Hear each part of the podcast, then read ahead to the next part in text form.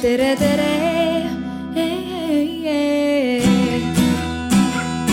Eestimaa.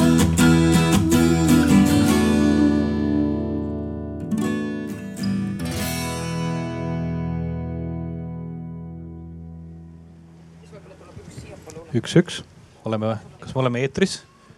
kas äh, me oleme äh, Facebook Live'is ka selles mõttes, et ka nooremad ja mobiilsemad inimesed äh, saavad meile loodetavasti pihta. tere, mina olen Peeter Marvet. ma olen kunagi olnud tuntud sellise nimetuse all nagu Tehnokratt, aga nagu me ka ülejäänud lavalolijatega arutasime, siis meil on niivõrd palju erinevaid mütse ja rolle kanda, et me iga ürituse alguses pro proovime järgi defineerida selle, et kes me parasjagu oleme tänane teema, mis puudutab äh, tehisintellekti, tehnoloogiat, meditsiini, otsapidi ka sellega seonduvaid äh, õiguslikke küsimusi. on selline, kus mina näen näiteks kõvasti vaeva, et kes ma, mis mütsi ma pähe panen. ma niimoodi töölepingus on mul viimasel ajal kirjas, et ma olen turundaja, mis tähendab, et äh, tehnoloogia, turundus, ma peaksin tehisintellekti meeletult müüma minu südame, südamega väga niimoodi võetav pool on seotud äh, infoturbega, andmekaitsega. mul on töölepingu peal ka teine amet, mis on äh, isikuandmete kaitse üldmäärusega seoses äh, isikuandmete kaitse spetsialist. ehk selle poole pealt ma suhtun kõigesse hästi skeptiliselt ja nüüd siis ongi meil ees teema, ma libistasin pilgu üle Arvamusfestivali erinevatest teemadest ja proovisin leida, et kui palju ma leian sealt selliseid, selle aasta selliseid bussword'e või neid asju, mis on siis nagu, mis siin tüüpiliselt on ise, isejuhtivad autod ja plokiahel ja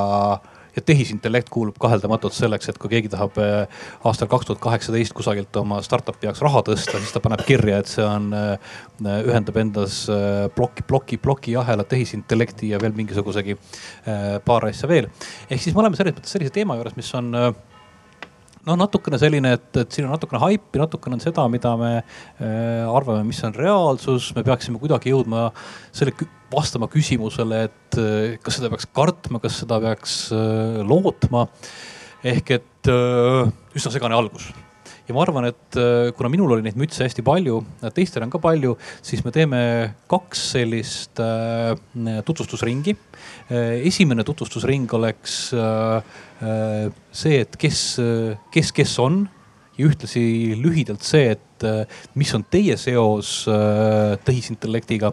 ja siis, kui me oleme selle ringi ära teinud, siis võtaks järgmise hooga ette üldisema küsimuse ehk et, et mis see siis meie ühise tänase teemana, see tehisintellekt võiks olla, et millest me üleüldse räägime ja kui kaugest äh, tulevikust me alustame. aga hakkame pihta Tõnust. Jah, tere ka kõigile minu poolt. Äh, mina olen siis Tõnu Esko, olen äh, ka mitmeid mütse, aga olen geenivaramu asedirektor ja juhin geenivaramu teaduskeskust, et see oleks siis nii-öelda see, mida ma esindan ja, ja mis see seos äh, tehisintellektiga on see, et tegelikult, kui me vaatame inimest kui sellist äh, bioloogilist masinat, siis see on ääretult keeruline. ja me noh, uurime sealt ainult sellist ühte või teist või kolmandat nurka ja sihukesel nii-öelda lihtsustatud moel ja ma näen, et kuidas see nii-öelda tehisintellekt võiks ja selline uutmoodi mõtlemine võiks mõista seda masinat paremini ja siis läbi selle võib-olla võimaldada meil elada toredamat ja täisväärtuslikumat elu.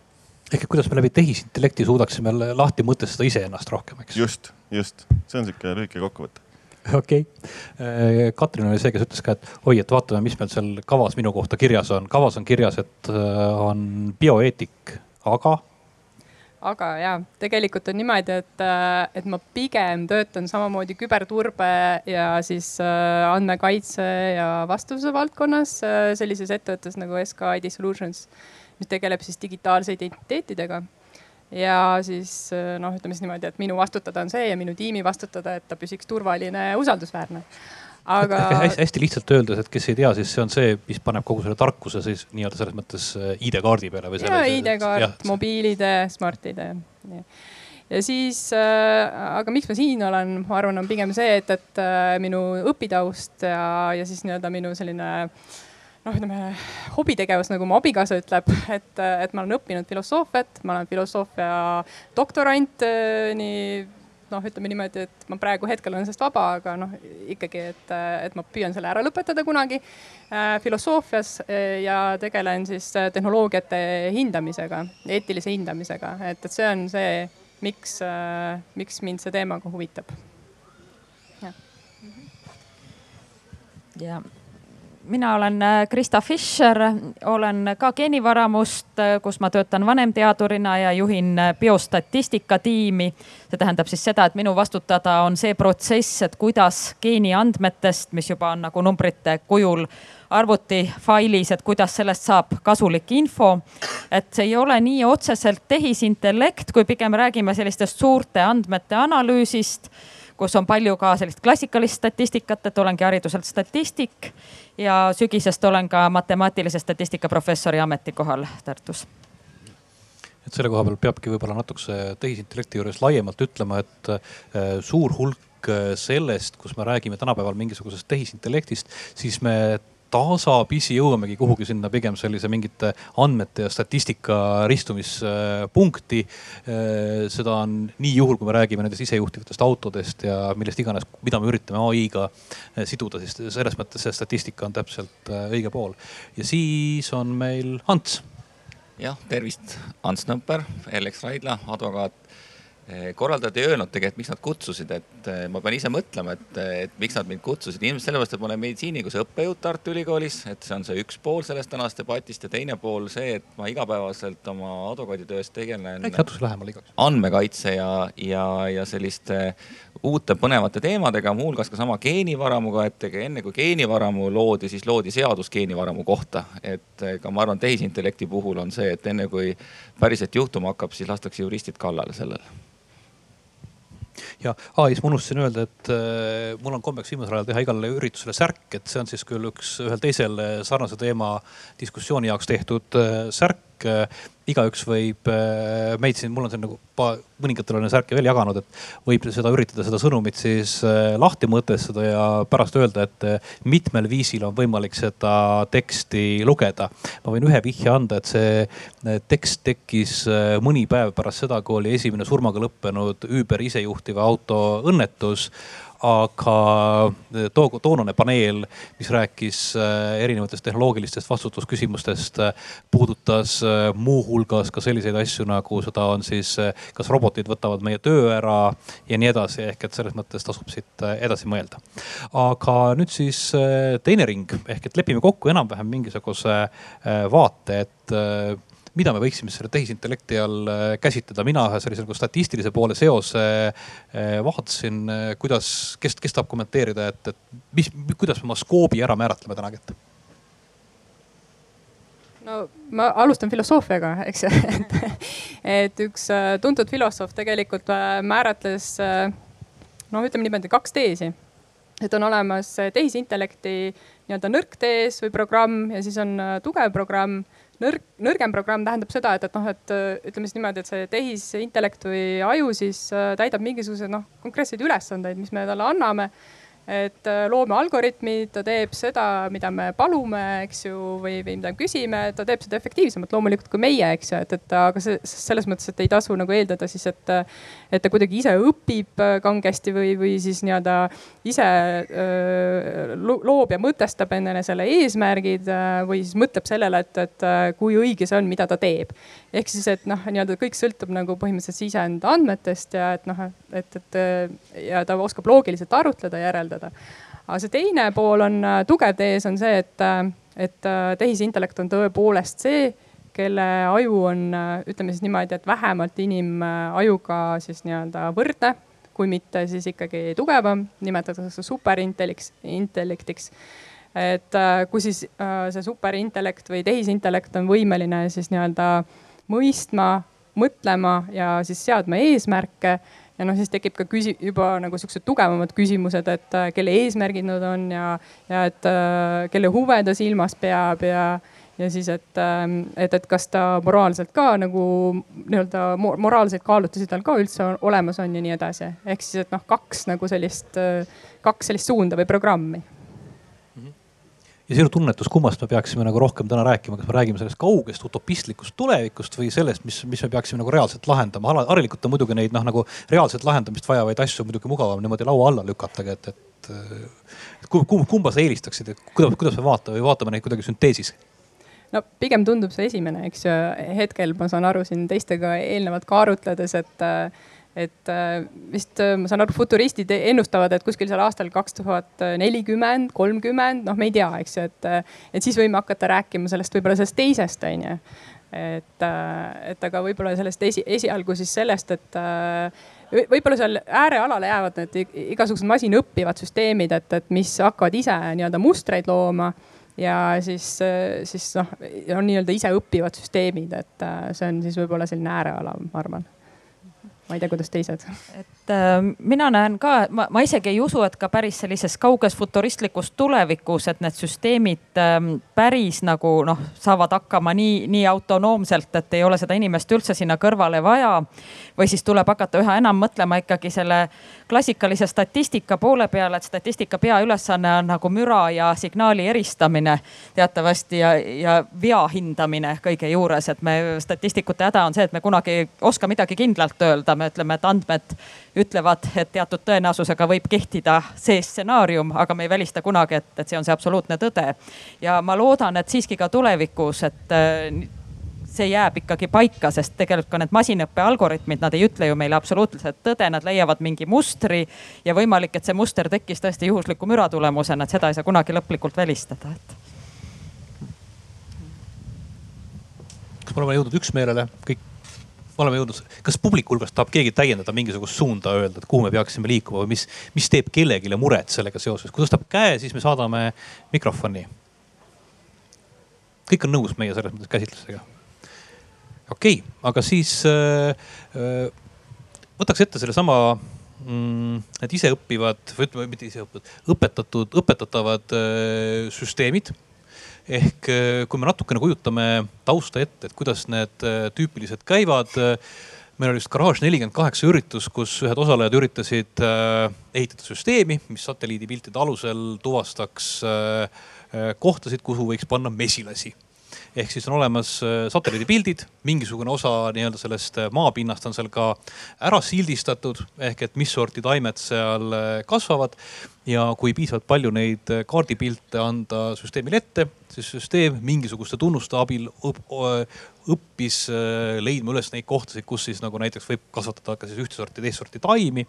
või äh, kus võiks kasutada, kasvatada, kus võiksid tahta elada mesilased või midagi muud sellist. ehk siis sisuliselt selline mm,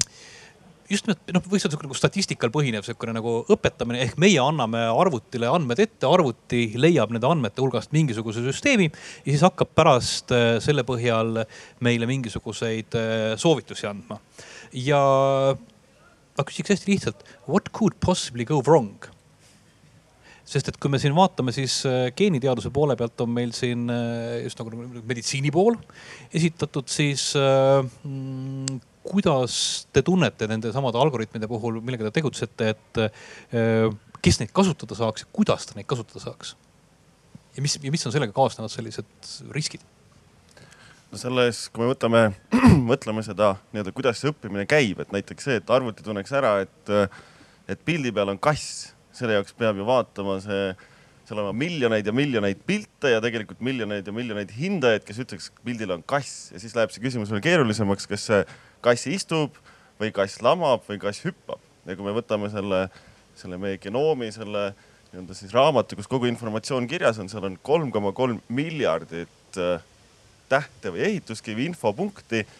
ja tegelikult me praegu nii-öelda teaduses teame võib-olla noh, ma ei tea, ühte protsenti või, või ühte promilli, et mida see kõik võiks teha. ja noh, kui sa küsid, mis võiks minna halvasti, on see, et noh, et siis see algoritm võtab selle info ja hakkab tõlgendama midagi, mida me noh, andma soovitusi, mida me tegelikult mitte kuidagi ei saa kontrollida. aga teistpidi seal on ka see nii-öelda see, see positiiv või see võimalik kasu on see, et me tegelikult ei tea, mida me ei tea. ja kui me siis kuidagi saame seda suurt hulka informatsiooni hakata mõtestama, siis äh, sealt võib tulla see kasu, sest me ei, sest me ei tea, mida me ei tea. ja, ja see algoritm võiks seal nagu aidata kuna, kuna kassipildid on alati kõikidele väga meeldiv teema, siis äh, eelmise aasta tehisintellektiga seotud äh, uudistest äh, tooks ma esile ühe sellise huvit-, huvitavamat sorti uurimissuuna, kus on teadlased näinud vaeva sellega, et panna pildituvastusalgoritme tuvastama pildi pealt midagi, mis seal täpselt ei ole. ehk siis kuidas täpselt modifitseerida kassipilti niimoodi, et tehisintellekt peaks seda relvaks mis on suhteliselt selline, mõttes selline pehme ja fussi teema, aga kui te nüüd kujutate ette, tähendab, et sama teadust on võimalik kasutada ka teistpidi ehk siis, kui sul kusagil on olemas relvasid tuvastav tehisintellekt, siis äh, saades aru täpselt, kuidas tehisintellekt on õppinud kassipilte tuvastama äh, või relvapilte tuvastama, on meil võimalik ka teha relv, mida tehisintellekt peab kassiks ehk et see on nagu nende kõikide nende äh, kassipiltide põhjal õppivate süsteemide selliseks probleemiks. aga edasi, riskid, mida, mida, mida, mida, te näete kasutuse, kasutuse ja riskide poole pealt? et äh, ma arvan, et tihti tulevadki, on ohud seotud sellega, et inimesed ei taju seda, et kui täpselt ühte või teist asja osatakse hinnata, et ütleme näiteks, kui mõne geenivariandi kohta on teada, et, et selle ühe variandi korral on inimese haiguse risk kaks protsenti ja teise variandi korral on kolm protsenti. siis see teadmine, kas tal on üks või teine, see tegelikult praktikas ei, ei tohiks eriti mõjutada mingeid otsuseid ega midagi. ja kui sellest tehakse nüüd toode ja hakatakse müüma, et, et vot, et me nüüd ütleme selle haiguse riski kohta, siis see on, on küll oht, et inimene teeb oma elu mõjutavaid otsuseid ja, ja samas info põhjal, kus see vea protsent on suur, et hoopis teine lugu on siis, kui me räägime geenivariandist, mille korral haiguse risk on võib-olla viiskümmend protsenti ja, ja ülejäänud juhtudel viis protsenti, et siis on nagu iselugu, et, et noh, see on üks vähemalt sellistest ohtudest ka. et seal on olemas selline risk, et võetakse sellist äh, teadusliku taustaga asja väga sügava usuga ja, ja leitakse sellest äh, vabandus tegemaks äh, midagi teisiti, sest et äh, samal hetkel võib arvata, et vist, et äh, suitsetamisega kaasnevad riskid on vist enam-vähem siuksed üle viiekümne protsendi suurendavad erinevate haiguste riske. aga me pigem kipume sageli selle poole pealt mõtlema, et ah noh, et, et no aga see on mõnus, et ma parem ei jäta ära, et ma teen selle kahe, need, need viissada kaheprotsendilist asja teen korda, aga selle ühe viiekümne protsendise noh, loodame, loodame, et selles osas nagu ei näkka täpselt. jah, suitsetamise koha peal ma võin mainida, et näiteks geenivaramu enam kui viiekümne tuhandene andmebaas näitab ka, et risk ükskõik mis vanuses surra on suitsetajatel enam kui kaks korda suurem kui mittesuitsetajatel, nii et äh, see on nagu väga veenev ja ma olen teda näinud ka erinevates andmetes enam-vähem sedasama suurusjärku niimoodi, et äh, tihtipeale tõesti see on märksa olulisem äh, riskimõjutaja kui need mõningad geenivariandid, et noh, teatud eranditega jah, aga ma võtan korra siis juriidilise poole pealt eh, mikrofoni üle, et, et, et tegelikult eh, te pole ka tähele pannud, et juristid oleks väga sekkunud debatti või, või, või ütelnud, et nii-öelda maailma lõpp on saabumas. noh, võib-olla natukene isejuhtuvate autode kontekstis on, on räägitud sellest, aga muidu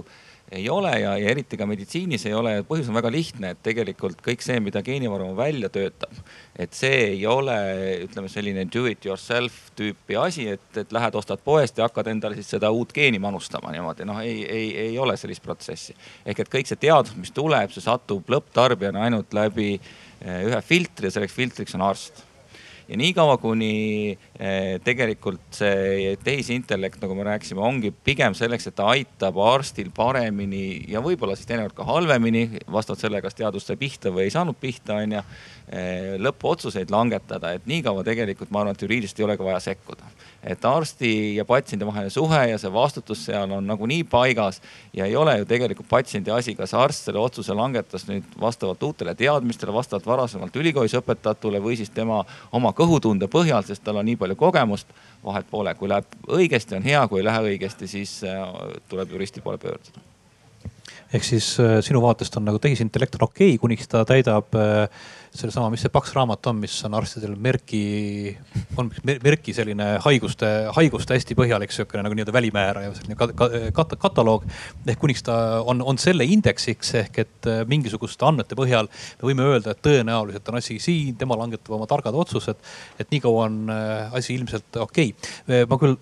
kohati natukene vaidlen sellele vastu. ehk et äh, mina olen näiteks enda puhul tähendanud, täheldanud, et ma olen veidikene laisk inimene. Ja kui mul on võimalik äh, näiteks inimesi usaldada, ma olen äh,, ma olen otsapidi, ma olen skeptik, aga kui vähegi võimalik, siis ma esimesel katsel kõiki inimesi usaldan. Te peate üldiselt nagu kolm korda mulle tähendab nagu tõsiselt niimoodi mütsi pähe tõmbama, et ma ütleksin, kuule, et ilmselt selle tüübiga ei ole mõtet nagu rohkem koostööd tehagi, et. Ja ma näen sedasama asja erinevate mulle mingisugust informatsiooni andvate süsteemide puhul. ehk ma kaldun usaldama teadust. mult just keegi kusagil sotsmeedias küsis, et Peeter, kas sa oled teaduse usku ma ütlesin, et ma nagu otseselt nagu usku, ega sul on väga hea küsimus jah, et ma nagu ei, ma ei usu teadust, aga aga kuidas see erineb, sest ma väga sageli olen valmis selliseid noh, nii-öelda teaduslikke soovitusi võtma sajaprotsendilise tõena, eks ju. ja kui see tegelikult on täpselt seesama ekspertsüsteemi väljund, mille puhul ma peaksin rakendama oma teadmisi ja otsustama, et kas ma noh, nagu usun seda täna või mitte. ja ühel hetkel tema vastus tuleb niivõrd kiiresti. mul on nii mugav seda usaldada ja ma hakkan tegema vigu rohkem, kui ma tegin ennem. kas sa seda võimalust ei näe? no ma arvan, et eh, ega meditsiini ajalugu ongi ju vigade ajalugu, et sellest. nimetatakse õpi... surnuaiaks. jah, sellest ju õpitakse, et eh, me isegi praegusel hetkel igapäevaselt teevad arstid vigu, ütleme. see on ainult see, et me saame kümne aasta pärast aru, et tegelikult selline meetod ravimiseks ei olnud kõige parem, aga, aga siin ei ole mitte midagi, mida nüüd tehisintellekt on, on juurde toonud või loonud aga sul on õigus, et, et huvitavamaks juriidilises mõttes läheb olukord siis, kui kas A variandis eh, hakkavad eh, masinad ise inimesi ravima või siis B variandis, mis on ilmselt lähem tulevik, on see, et inimene saab apteegist või kuskilt mujalt mingisuguseid eh, kitte, mida siis, millega ise ennast hakata poputama. et siis tekib jah küsimus, et, et kuna seda arstifiltrit vahel ei ole, et, et kes siis vastutab, kui halvasti läheb. noh, me teame küll, kes vastutab, kui halvasti läheb, aga eks me pärast jõuame sinna ahah, ehk et äh, mm, et kui nagu selline avalik lootus on see, et tehisintellekt on see, mis äkki siis võtaks selle samusegi spetsialisti sealt vahelt ära, eks ju. siis äh, sinu nägemus on see koht täpselt see, kus hakkavad üldse need riskid tekkima. ehk et kui inimesed võtavad äh, ise kusagilt mingisugust tehisintellekti käest nõu kuulda kätte no see on, sul on õigus, et inimesed võib-olla mõtlevad niimoodi, et, et äkki saaks siis sellest arstist lahti, onju, aga, aga isegi kui me lennukisse läheme, onju, lennuk tänapäeval on võimeline kõik funktsioonid ise ära tegema. aga ma ikka tahaks, et piloot on seal, et ma arvan, et isegi kui tuleb see variant, et inimene, et tehisintellekt on võimalik ise võimeline midagi tegema, siis ma arvan, et inimene ikka eelistab seda, et las siis see inimene ka ikkagi olla seal, sest meile meeldib ja siia ma tahakski ühe näite tuua, et, et me enamjaolt jah, täna räägime sellistest assisteerivatest või tugi nagu sihukestest süsteemidest, et noh, et kus sa saad mingi esmase nii-öelda diagnoosi võib-olla ja siis suunatakse sind õigesse kohta, et, et selliseid äppe on näiteks äh, Suurbritannias on näiteks täitsa avalik selline äpp nagu Babylon, eks ju, et, et noh, lähed ja siis saad, siis noh, sind suunatakse õigesse kohta, eks ju, no ja siis edasi tegelevad sinuga arstid juba, eks ju, põhimõtteliselt. aga või siis, et on andmebaasid, et, et, et noh, et sa paned sisse, siis seda saavad juba meditsiinieksperdid ise kasutada, et, et paned sisse sümptomid ja sa saad mingi terve rea siis võimalusi, mille vahel sa hakkad siis juba põhjalikumalt kaaluma, eks ju aga näiteks äh, USA-s on tegelikult äh, aastas tehakse üle saja tuhande operatsiooni juba ikkagi nii-öelda selliste kirurgidega siis nii-öelda, et, et, äh, et mis põhinevad tehisintellektil ja siin on äh, võib-olla küll tekkinud küsimus, et, äh, et kuidas seda reguleerida ja kontrollida. Äh, ja kes on siis süüdi, kui midagi valesti läheb. sest praegusel juhul ma sain aru, et MIT-i ülikool on võtnud kokku nagu siis mingisuguse neljateist aasta selle opereerimispraktika ja siis seal on veidi suurem surmade protsent ja veidi suurem vigastuste protsent ja just nagu masina siis äh, noh, nii-öelda kas ta restardib ennast või, või siis äh, poetab mingeid, äh, tulevad mingid jupid ära või, või siis et või, või siis hakkab midagi valesti tegema, eriti keerukamate operatsioonide puhul, mis noh, mingid pea ja kaela operatsioonid, et sa olid toodud nagu näiteid, et, et seal on risk on praegu ikkagi suhteliselt kõrge veel et aga noh, sellised, ma ei tea, günekoloogia ja uroloogia oli vist suhteliselt standardprotseduurid, et, et äh, läheb päris hästi. Et ja seal on tekkinud tõesti olukord, kus noh, küsitakse, et okei okay,, et, et kui see mingi osa ära tuleb või põletab näiteks sellesse patsiendisse augu, et, et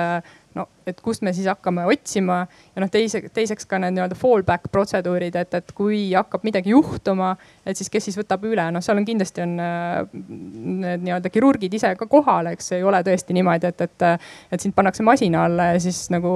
kõik kaovad minema, eks ju, või, või on seal mingid ainult operatsiooniõed, et. et seal on ikkagi ka see assisteerija ka olemas, nagu praegu isesõitvatel autodel on ikkagi keegi kaasas või, või noh, nagu Ants ütles juba, et, et, et piloot, piloot on ikkagi olemas, eks ju äh, aga ikkagi, et, et noh, et see vastutuse küsimus läheb, läheb siin juba keerukamaks. Ma siia Antsu sellele lennuki näite tooksin küll juurde selle küsimuse, et kui te vaatate, kui palju seal lennunduse algusaegadel lennukeid alla kukkus äh, siis see, et meil hetkel on lennundussüsteemid läinud suhteliselt sellisteks äh, küberneetilisteks ja me võime siin Airbuside puhul rääkida, et kus iganes midagi otsustab mingi fuzzy logic ja mis iganes sellised keerulisemad matemaatilised või algoritmilised äh, lahendused, siis see praegune turvalisus on meil seotud sellega, et on olemas väga korralik regulatsioon. On kokku lepitud, et äh, kõik need süsteemid on seal mitte dubleeritud, vaid vähemalt äh, või vaid tripleeritud ehk et äh, kahekordse nii-öelda liiasusega. Need süsteemid töötavad seal harilikult erinevate algoritmide puhul peal ehk et sama asja on kirjutatud mitmel erineval moel. Need süsteemid võrdlevad oma väljundeid, kas nad mõlema kõik jõudsid samasse kohta ja siis hääletatakse ja tehakse, tähendab seda, mida otsustasid kolmest süsteemist kaks ja nii edasi. ehk sinna on jõutud läbi sellise ka suhteliselt suure surnuaia ja nüüd on küsimus on selles, et kui me vaatame neid praeguseid eh, tehisintellektiga seotud lahendusi ja, ja seda just eriti ajal, kus on selline nii-öelda startup'i maailmas ja selline eh, äri tegemine, mille iganes eh, teaduse järgi lõhnav, aga on äärmiselt popp tegevus, siis mina võrdlen seda kangesti sellega, et, et kuidas on nagu kunagi oli Wild Wild West ehk et kusagil ja kui see kulla, kulla kaevamine, igaüks, kes sai endale kirka, kirka ja ämbri kätte, läks mäkke ja hakkas kulda kaevama. ja seadused kõige selle jaoks tekkisid äh, hiljem ja kohapeal oligi lihtsalt võib-olla nii-öelda ka šerif, kes lihtsalt äh, suure äh, augurauaga korra majja, majja lõi. ja siis tegelikult tehisintellekti puhul me oleme enam-vähem samas kohas, kus kõik tormavad, et jõuda stardiliinile või tähendab, mis iganes nii-öelda stardiliinist nii mitu sammu edasi teha, kui vähegi võimalik. enne kui keegi otsustab, et start on siis, kui pauku lastakse jällegi, et, et ma näen, et, et seal on nagu ütleme, et, et see, et see tormamine on praegust on see, kus me võime kõige rohkem vist äkki paha teha või? jah, ma kommenteerin nii palju, et, et ma just küsisin ka ühelt tuntud perearstilt, et kellele antakse proovida igasuguseid äppe ja asju ja siis ta ütles, et no jaa, et, et, et, et, et põhiliseks probleemiks on see, et, et et need äpitootjad ei, ütleme siis niimoodi, et nad ei käi kõiki sihtgruppe läbi, ei tee korralikku nagu sellist äh, noh, nii-öelda disaini ja ei kaasa kõiki osapooli, ehk siis, et äh, noh, ütleme siis niimoodi, et, et noh, üks asi on nagu teaduspõhisus, et, et kas ta põhineb tõesti nagu mingisugusel äh, teaduslikel nii-öelda mudelitel ja andmetel ja teooriatel on ju, teine on siis see, et, et ta tõepoolest ka nagu toob lõppkokkuvõttes kellelegi kasu, on ju aga mis mind äh, võib-olla kõige rohkem ennast, kui, kes tegeleb siis nii-öelda küberkaitsega, et, et tegelikult noh, nagu sa ütlesid, et lennunduses on ju need sellised ohutuse ja siis turvareeglid on nagu ikkagi nagu kolmekordsed enam-vähem, eks ju, et. Ja see on see, mis minu arust, mida me peaksime järgima, et, et kõik seesama see tehisintelligentsi vidinad, et, et noh, need peaksid täpselt samamoodi nagu küberturbe alla kuuluma ja me peame arvestama, et, et kõik need seadmed on häkitavad ja rivist välja löödavad, eks ju, siin WannaCry näitas, et et põhimõtteliselt Suurbritannias üks kolmandik äh, nii-öelda meditsiiniasutusi kannatas sellele, ei suutnud äh, oma teenust osutada. et see on asi, mille peale peab äh, tõsisemalt mõtlema hakkama tegelikult, kui see on juba, inimese tervis sõltub sellest, kui ta on lihtsalt assisteeriv ja noh, ütleme, et arst suudab nii või naa otsuse teha ilma, eks siis ei ole nagu see probleem, aga kui me räägime juba kirurgidest ja, või, või siis ma ei tea, seal nendest äh, Äh, mingisugustest muudest äh, vidinatest, mis meie, millest meie konkreetse inimese elutervis sõltub, siis nagu läheb juba karmimaks minu arust. ja kui sellest äh, Wild Wild Westist rääkida, siis tegelikult selles, see ei ole ainult siin nii-öelda tehisintellektis, vaid tegelikult ka nii-öelda geneetika on täpselt samasugune selline kuum teema, mida nii-öelda inimesed üritavad ja ütleme, sellised ärimeelsed üritavad nagu ära kasutada, et seal tõemoodi jõuda nagu sellest stardist hästi kaugele või noh, piisavalt kaugele, enne kui tulevad mingid väga keerulised regulatsioonid peale, et siin Ants ütles, et nii kaua on, on mõnes mõttes kogu see geneetika ja see tehisintellekt okei okay,, kui seal on see arst vahel. aga kui nüüd nii-öelda seda teenust hakatakse pakkuma lõpptarbijale, vot siis ongi see, et kes siis vastutab ja see noh, Eestis meil seda veel ei ole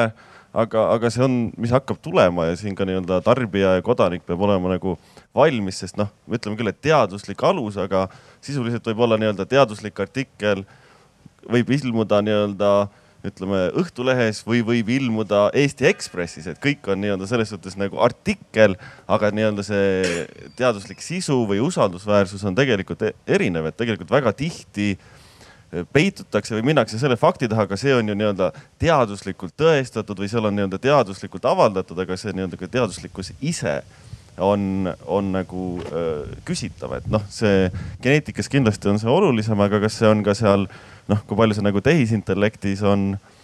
noh, see on nagu natuke segasem, aga tehisintellekt on selline must kast, paned midagi sisse, midagi tuleb välja, kõik on väga ilus, aga üldjuhul noh, kõik, mis on liiga ilus, on, ei ole tegelikult niimoodi. ja selliseid nii-öelda tarbijale suunatud geneetilisi teste on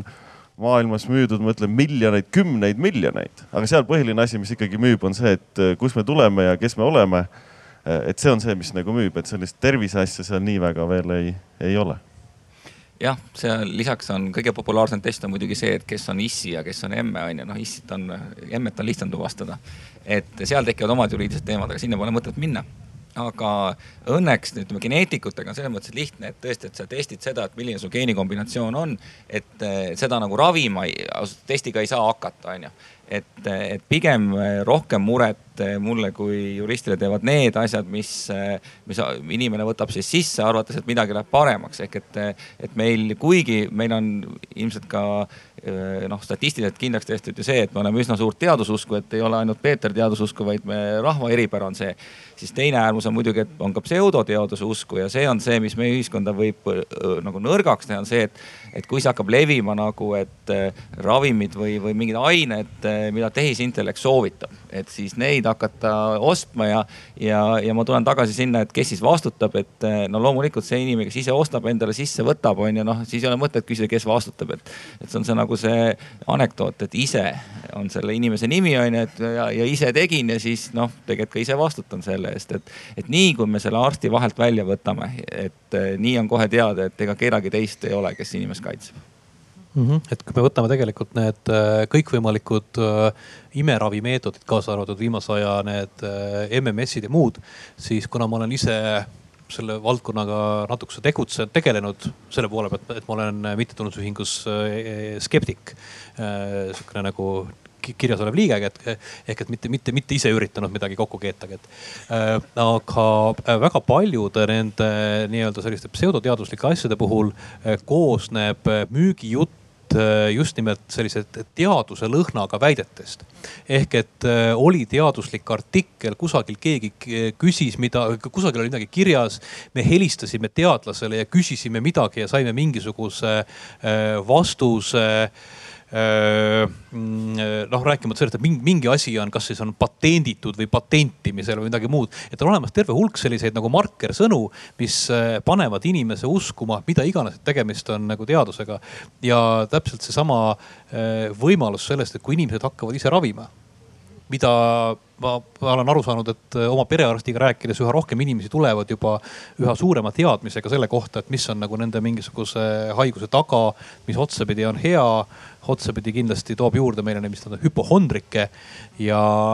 otsapidi, kui see usk läheb tugevamaks kui see arstivõime, siis ma olen olnud ka äh, meditsiinikonverentsil kus äh, tekkis äh, küsimus laval olnud, parasjagu lavale sattunud, ütleme, et vaktsineerimisse skeptiliselt suhtuvate inimestega või vaktsineerimisvastastega.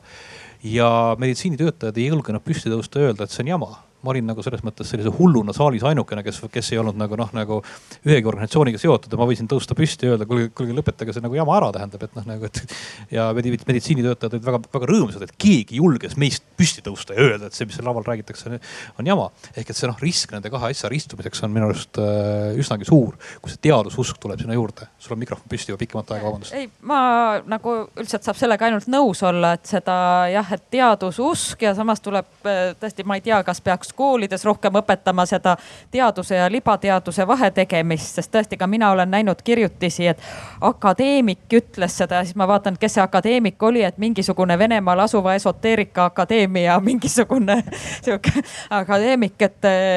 ja, ja jutt on jah, sihuke voodoo seal, et aga, et kuidas, et tegelikult ongi, et kui mingisugune väide on väga kindel ja samas väga nagu emotsionaalne, et siis ta tõenäoliselt ei tule mitte tõsiste teadlaste poolt, vaid äh, tuleb just sealt pseudoteadlaste poolt. isegi kui seal on juures mingid näilised teaduslikud argumendid ja mingid skeemid, et ma olen ka näinud väga keerulisi jooniseid, et kuidas see MMS ikkagi töötab, et aga. aga jah, tegelikult ikkagi, et tuleb aru saada, et, et kui väidetakse, et mingi asi on imeravim ja kõike ravib ja täiesti kindlalt, et siis äh, tuleb selles kahelda, et ei saa olla õiged, nagu ma statistikuna ütlen, et me teadlased, päris teadlased ei saa kunagi, peaaegu kunagi midagi väita sajaprotsendilise kindlusega minu arust lisandub siia veel tehnoloogia selline optimismi efekt, et, äh, et tehnoloogia ju lahendab kõik probleemid, et äh, selles mõttes, et äh, ma olen siin näinud ka, kui see nüüd andmekaitse üldmäärus tuli, siis eks ju, siis oli hästi palju äppe ja hästi palju rakendusi, et oo, et, et kui sa nagu meiega liitud, siis oled kohe kõikidele andmekaitse nõuetele vastav ja nii edasi. no see on lihtne näide, mis mul kohe esimesena pähe hüppas, aga tegelikult siukseid asju on nagu palju ja palju ja ma usun, et meditsiin on nagu sihuke hästi lubav ala, et, et noh, selles mõttes, et inimesed ju tahavad oma eluolu nii-öelda tõsta ja siis, siis nad kõike muudkui aga usuvad, et, et ma arvan, et siin on lihtsalt kokku saanud nagu hästi paljud nagu sellised tehnooptimismi ja sellised optimismi nagu valdkonnad, et. Meis kõigis on tegelikult on piisavalt seda laiskust, et me tahaksime leida seda, nagu seal need pealkirjad on, üks lihtne trikk, mis äh, lahendab ära eh, mis iganes probleemi. me oleme vahepeal vaadanud küll siin väga palju teineteisele otsa, oluliselt vähem vaadanud eh, publikule otsa. kas publiku hulgast, eh, kui ma pistaks küsimuse, tähendab, et mis ei ole nagu vahest liiga filosoofiline, aga kui te kuulete sõna tehisintellekt, kas teil tekib mingi mõte, et kuhu teie tahaksite oma elus saada tehisintellekti, et kas kellelgi on mingi, mingi selline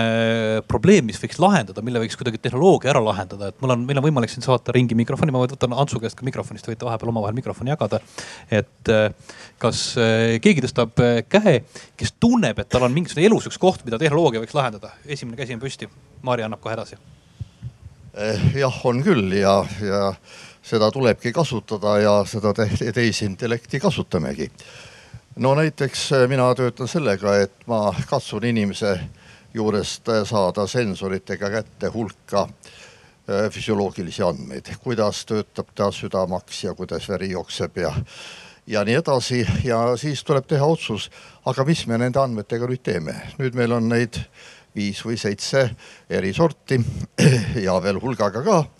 väike statistika ka juures kahtlemata. ja mis nüüd saab, mis ma nüüd sellega teen? ja no vot siin ma pean küll tehisintellekti võtma kätte, ükski inimene ei jaksa ütelda. ja kas seda on juba kasutusel? on jah, näiteks äh, olen töötanud südamestimulaatoritega. kui inimene, kui ta süda hakkab ära väsima, aga, aga muidu lihased sealjuures on, pole viga, siis tuleks talle panna see südamestimulaator, üks väike tükikene tehnoloogiat sisse ja tuleks seda südant siis juhtima hakata impulssidega, kui süda ise ei, ei juhi. ja noh, mismoodi sa siis juhid, üks on nii, et keerad, keerad peale mingi rütmi ja see on päris tore, paneme nüüd seitsekümmend lööki minut äh, jah, ja las ta siis tuleb ja, aga inimene tunneb ennast kuradi kehvasti, ta ei saa hästi magada ja ta ei saa hästi tööd teha, kumbadki. ja no siis tuleks panna talle need sensorandmetega tuleks see masin siis ära lükata kuhugi, et, et vastavalt koormusele, inimese tegevusele ja, ja nii edasi. ja see ongi kasutusel, aga äärmiselt eh, noh, ütleme samm väga pisikeste sammude haaval sellepärast, et on juhtunud õnnetusi. üheksakümnendatel Austraalia südamestimulaatorite firma läks natuke suure sammuga edasi ja neli-viis inimest sai otsa. Ja sellest tuli siis juristid tulid kohe juurde ja ütlesid, et, et noh, seitsekümmend või sada seitsekümmend miljonit too välja firma.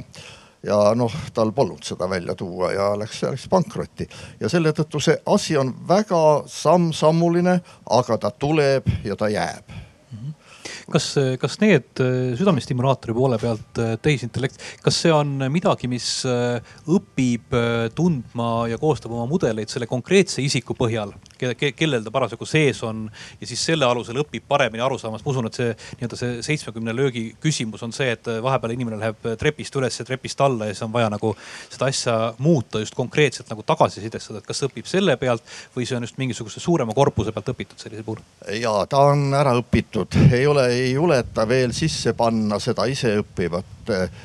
komponenti. Ja noh, me kasutame põhiliselt, seal on kasutusel fuzzy logic, vot oligi juttu. Noh, see on üks tehisintellekti niisugune noh, väga algne ja noh, lihtne mudel, mida sa saad siis siia rinna sisse sisse pista. aga ta töötab ikka päris hästi ja, aga ei julge veel iseõppivat süsteemi panna, see on kogemuslik see on arstide ja jälgimise kogemuslikud tulemused nagu mingi ekspertsüsteemi taolist asja on seal sees. ta ise ei julge ennast, aga peal on superviisor või ülevaataja, kes ei lase tal sealt mängudest välja minna, see on range ülevaataja, vaatab, kuidas need lood on ja siis, kui on midagi natuke sandist, on väga ettevaatlik ja, ja lõpetab sinna kanti mineku, nii et see superviisor on peal, aga inim-, ühtegi juhti seal peal ei ole, inimjuhti ei ole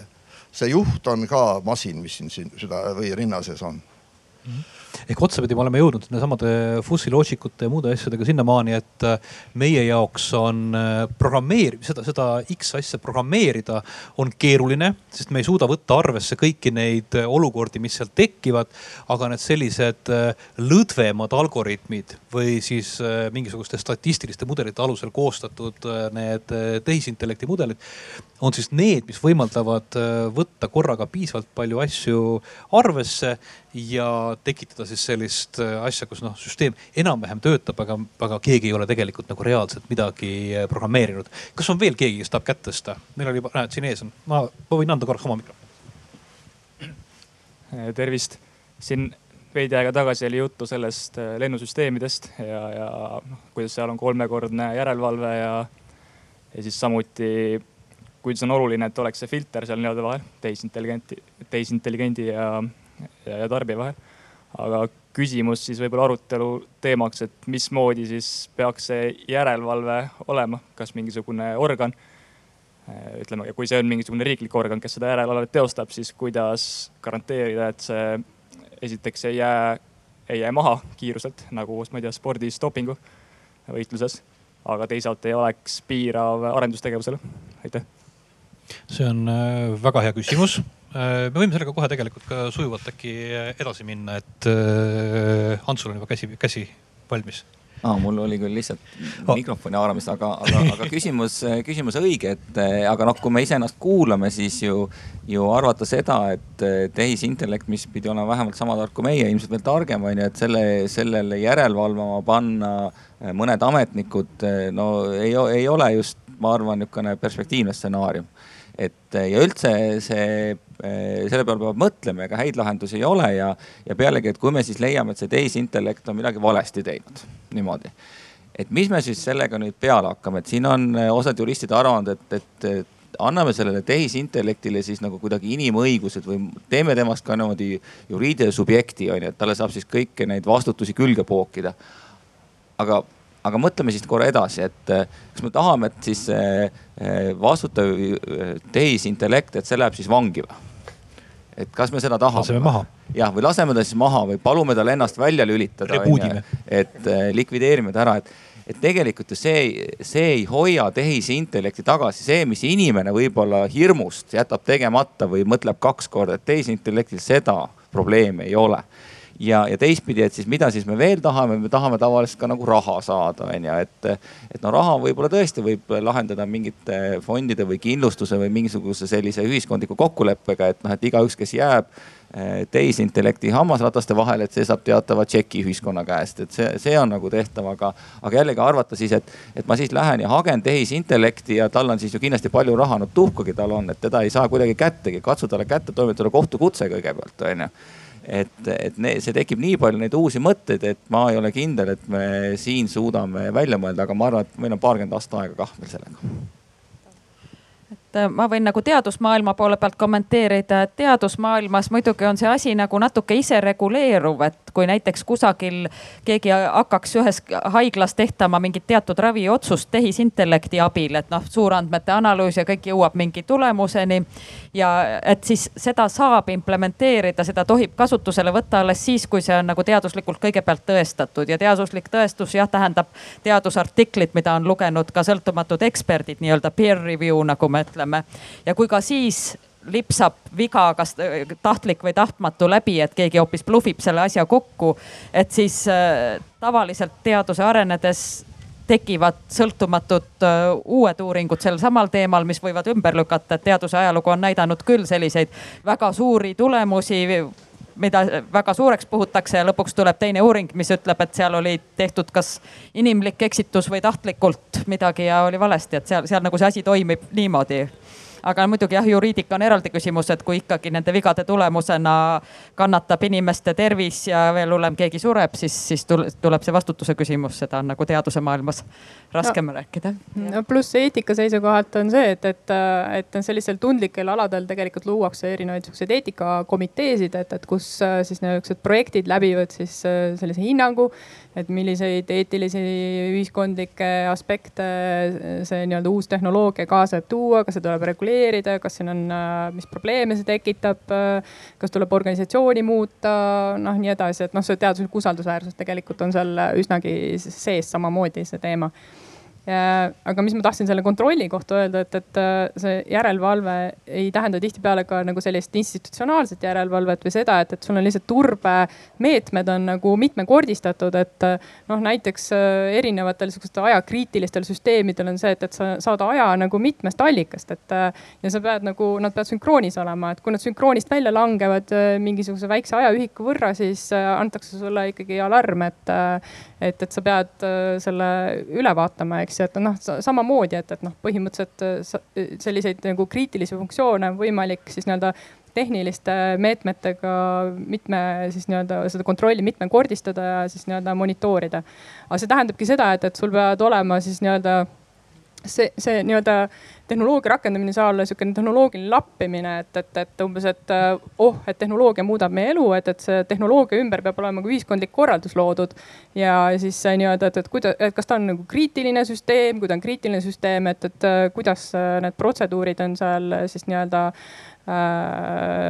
turvatud ja tagatud ja kas seal on nagu tädiliides või onuliides või, või on tehniline kontroll, eks ju, mingite asjade üle. et äh, kui juhtub mingi õnnetus, äh, kes kohale tormab, äh, kes käsitleb seda asja, noh, ühesõnaga täpselt samamoodi nagu lennundus tegelikult ka, tegelikult ka nagu selliste kriitiliste süsteemide puhul on ka siin äh, kõik see vajalik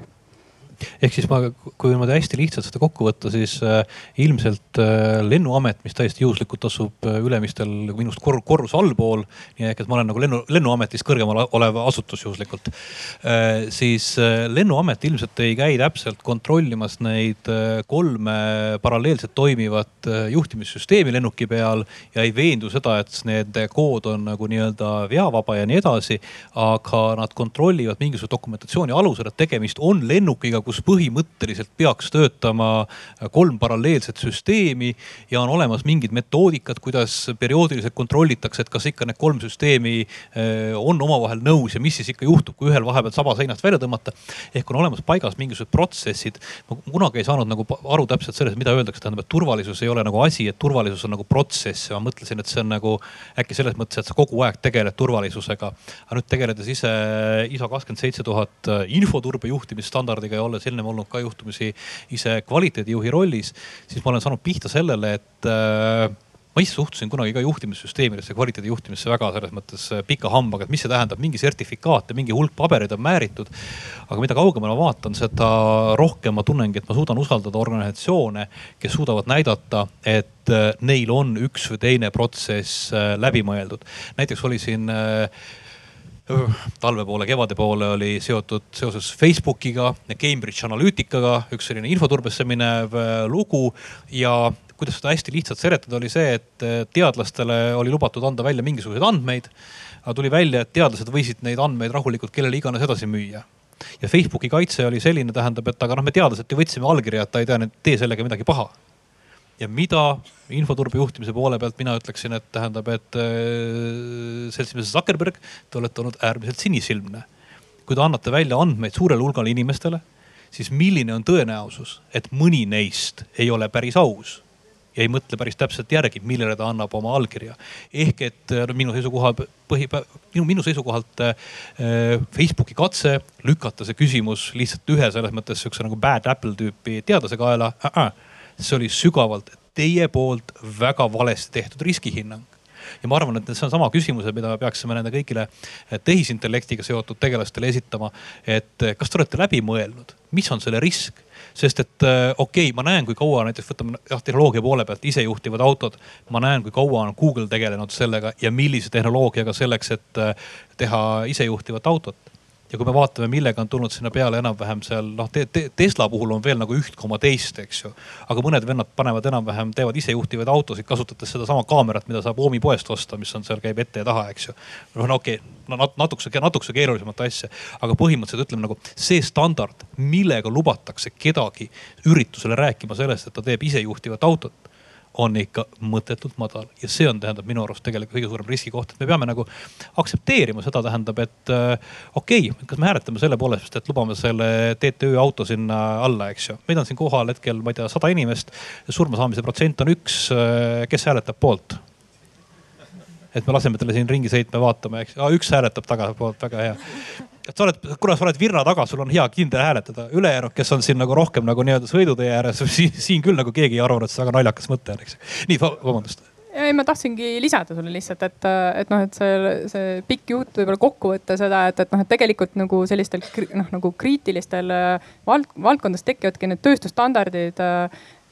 mis tagavad nagu siis nii-öelda, et, et sa võid ise veenduda organisatsioonina, et, et äh, kas sa toimib, toimid usaldusväärselt, aga ka teistele tõestada, et sa tõepoolest nagu mingid teatud äh, noh, nii-öelda protseduure, reegleid, turbemeetmeid, riskianalüüse teed, et et tagada just nimelt seda ohutust ja turvalisust, eks ju. ja siis tõesti on sihuke Wild Wild West, kus mingites noh, et see valdkond hakkab tekkima ja siis seal pole nagu veel midagi, et, et, et noh see on see kokkuvõte. ei, ma tahtsin lihtsalt seda öelda, et kui me mõtleme, et see nii-öelda see inimorganism on nagu, on nagu masin, et siis või siis ka tegelikult see nii-öelda nii-öelda arstiprotsess on, seal on ka erinevad protseduurid, et see võib ju põhimõtteliselt samamoodi olla nagu lennuk, et on see, et seal on küll need algoritmid, kes nii-öelda vaatavad neid andmeid, vaatavad neid näiteks mingisuguseid vähipilte. aga see on see, et sul paralleelselt ongi enne kui mingi otsus tehakse, sul ongi seal, ma ei tea, kolm erinevat algoritmi, mis siis hindavad seda ja kui nad seal näevad midagi, siis nad nii-öelda peavad jõudma konsensusele, et see, ma arvan, see ongi see, et jah, ei saa panna siin nii-öelda ametnikke panema mingeid standardeid, sest nii-öelda see ametnik on alati palju-palju konservatiivsem ja võib-olla ka vähem teadlik sellest, mis on see antud hetkel see nii-öelda kuldstandard. aga noh, seal on ka see küsimus, et kas siis nii-öelda masinad iseennast saavad reguleerida, aga lõpuks seda reguleerivat masinat peab ikkagi keegi niimoodi kaugelt vaatlema, et seal on üks suur, suur probleem veel, nimelt kui me kuuleme sõna, et tuleb tehnoloogia ja lahendab mingisuguse probleemi, siis juhul, kui me oleme äriinimene, siis meil hakkavad silme ees kohe need dollarid jooksma, eks ju, et vau wow,, et see põhimõtteliselt tähendab seda, et me saame seda asja teha nüüd viis korda odavamalt, eks ja siis sa ütled, et ah, no teeme siis need kolm paralleelset algoritmi. okei okay., kui palju maksab kolme paralleelse algoritmiga süsteem, kas ta maksab poole rohkem kui ühe algoritmiga süsteem, kas ta maksab kolm korda rohkem. või ehk, et meil on vaja kolm algoritmi välja töötada, nad peavad olema kõik sama hästi tehtud loomulikult, eks ju. ehk et või ta maksab rohkem kui kolm korda sest seal on tegelikult juures veel ka integratsioon ja kõik see süsteem, mis tasakaalustab ja võrdleb neid asju. mina ütleks, tähendab, ütleme noh nagu kolmekordse turvalisusega süsteem tõenäoliselt maksab suurusjärgu rohkem kui see ühekordne, aga see on väga selles mõttes sihukene nagu laest võetud number, aga ma arvan, et me enam-vähem sinnakanti jõuame väljagi võib-olla tooks veel selle mõtte sisse, et tegelikult nagu suurandmete ja masinõppe ja tehisintellekti ajastul jälle saab ka nende turvalisuse teemadega mõnes mõttes just efektiivsemalt tegutseda, kui kui vanasti, et kui me võtame kasvõi sellise teema üldtuntud nagu ravimi kõrvaltoimed, et kui keegi oletab mingil põhjusel, et üks ravim võib nagu ühel juhul kümnest tuhandest põhjustada, ütleme insulti kõrvaltoimena siis äh, noh, veel mõni aeg tagasi ei olnud nii palju andmeid, et me sellist väikest riski suudaksime tõestada, aga praegu ka üks Eestis tegutsev Soome statistikafirma Statfin Epid Research tegeleb just selliste uuringutega, et niipea kui tuleb selline kaebus, et on mõned juhud, mis nagu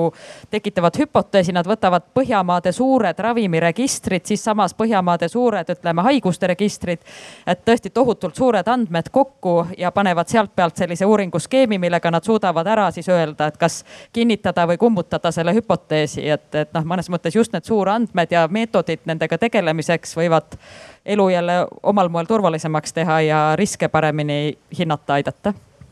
seda juba tegelikult on, et kui noh, ma nüüd mainisin neid vähi, vähislaide, et on nagu uuritud seda, et kui panna nii-öelda patoloogid neid, neid vähislaide vaatama ja siis panna selline tark algoritm seda vaatama, et tegelikult juba on see, et see algoritm on, on kordades äh, efektiivsem äh, nagu seda tuva, seda tuvastust tegema, sest tegelikult nii-öelda just sellise mingi diagnoosi panemisel äh, ongi ju see kogemus, et sa oled näinud piisavalt palju erinevaid äh, ütleme selliseid olukordi ja sa kogemuse pealt selle äh, otsuse teed. aga see on nüüd see koht, kus nii-öelda see suurandmed või see tehisintellekt tuleb tegelikult appi, sest tema ei unusta mitte midagi ära. samas nagu ekspert unustab, sest niimoodi on inim, inimaju äh, Äh, disainitud, et ta lihtsalt ei suuda seda kõike mäletada, et seal see nii-öelda see kasu on nagu väga-väga suur, kui need nii-öelda need mehhanismid või need protsessid nagu tööle saavad. lihtsalt see ongi see küsimus, et kas ta on siis see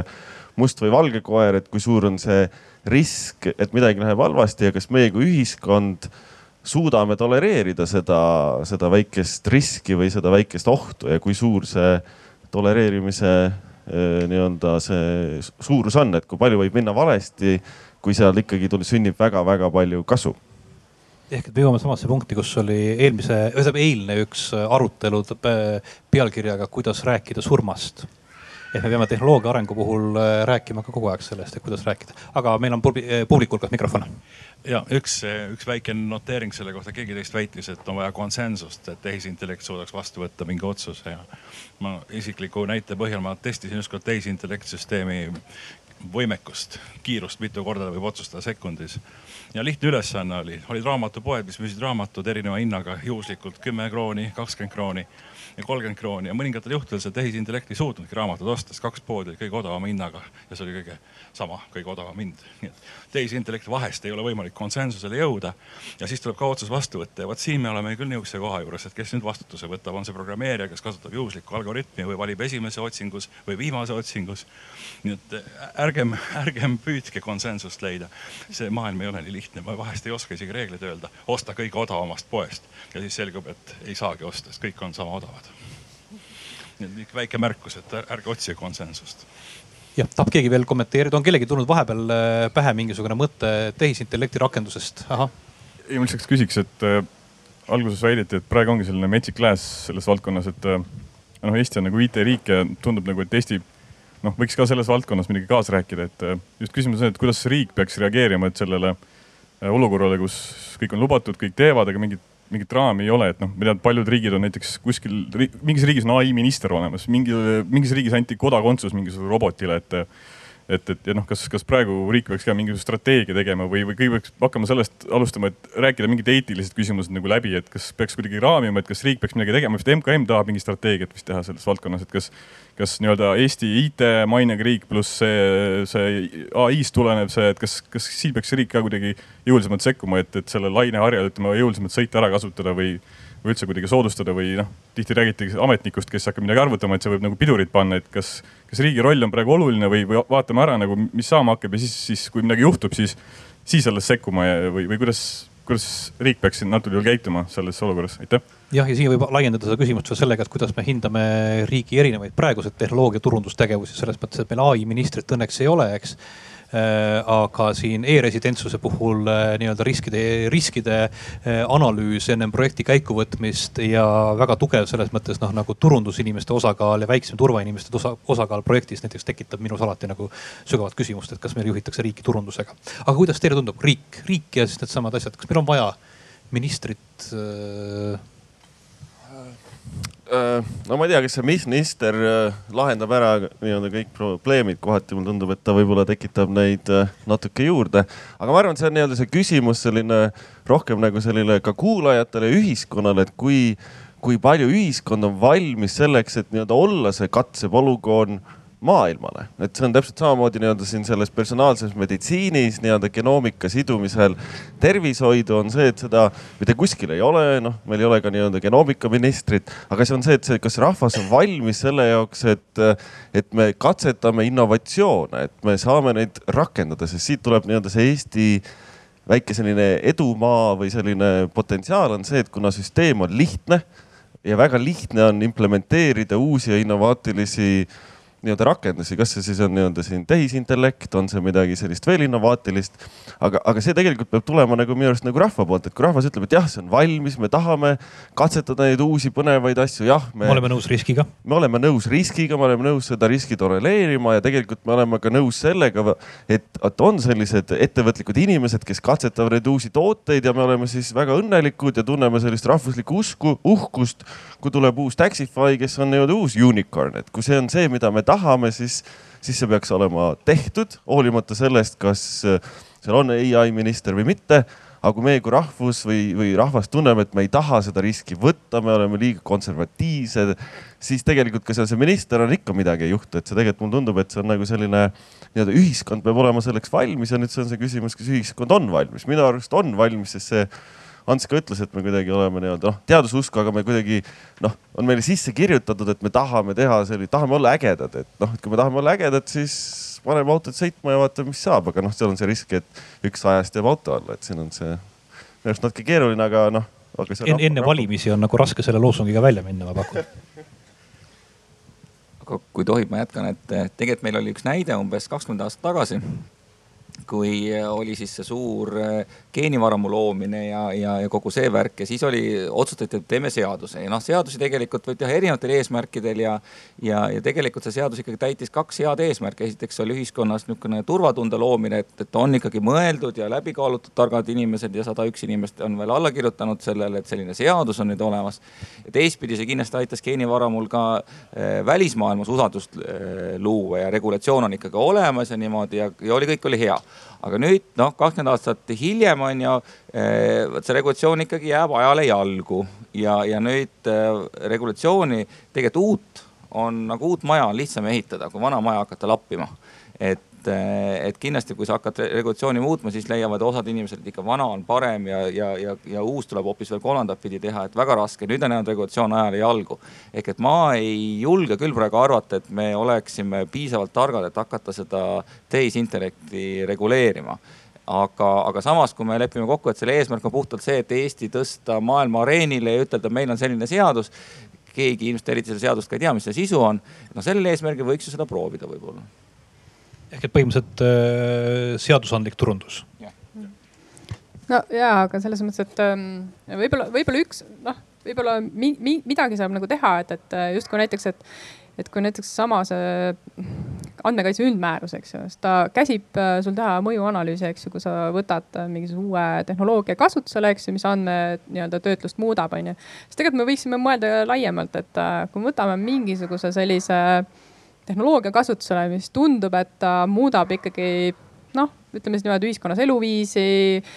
kõrge oht, eks ju, tervisele nii edasi, et siis me ei vaata ainult nagu privaatsust, me vaatame nagu turvet, ohutust ja siis nagu tagajärgi ühiskonnale ja seda, et, et milliseid meetmeid sa siis pead rakendama nii nagu siis laiemalt või, või ka siis selle organisatsiooni tasemel, kes seda kas välja töötab või rakendab, eks ju. et noh, ja selles mõttes seda peaks rakendamisel tegema, sest et tehnoloogiad on sellised noh, mitmeti kasutatavad, et sa võid nagu ühte sama tehnoloogiat kasutada päris mitut moodi ja, ja, ja selles mõttes, et äh, küll erinevaid andmeid kogudes või ka või, või, või, või, või siis mingisuguseid muid äh, toiminguid tehes, et äh, ja need tagajärjed võivad üsna nagu erinevad olla. ja see on võib-olla valdkond, mis ei ole Eestis nagu eriti arenenud, just noh, seda nimetatakse erinevalt. Et nimetatakse eetiliseks tehnoloogiate hindamiseks või siis sotsiaalsete eetiliste tagajärgede hindamiseks. seda tahetakse näiteks Euroopa projektide puhul, et kus sa pead nagu noh, nii-öelda raha saada, et siis sa pead tegema nagu mingi sellise asja, eks ju, aga, aga just, et äh, samas muidugi praktikuna ma ütlen, et see on keeruline ja selles mõttes, et seda reguleerida, et, et ja siis see, see kvaliteet, mis sealt tuleb ja no ütleme, see on niisugune keerukas, paras keerukas valdkond muidugi samas sa tõid välja toreda termini, mis on see andmekaitse üld, üldmäärus ehk GDPR, me oleme siin Antsuga sattunud isegi mingitel samadel üritustel koos rääkima. minul on päris olnud päris palju olnud rääkimist. Antsul ilmselt oluliselt äh, rohkem seoses isikuandmete kaitse seadusega ja mis mulle jäi nendest üritustest meelde, oli see, et enamasti tegeleti seal äh, nii-öelda paper shield'i ehk paberist kaitsekilbi äh, loomise küsimusega. Äh, ma nägin väga vähe või kuulsin väga vähe kaasettekandjaid, kes rääkisid sellest, kuidas nad oma organisatsioonis on sisuliselt viinud oma isikuandmete kaitse paremale tasemele. ehk siis kõik see seadusega reguleerimine on asi, mis võimaldab aktiveerida täiesti teist sorti seltskonda, kui seda on tegijad ja selle tulemus võib olla teatavatel puhkudel eh, hoopis eh, vastupidine. positiivne on loomulikult see, et sama üldmäärusega seoses, eh, kuna probleemile pandi külge hinnasilt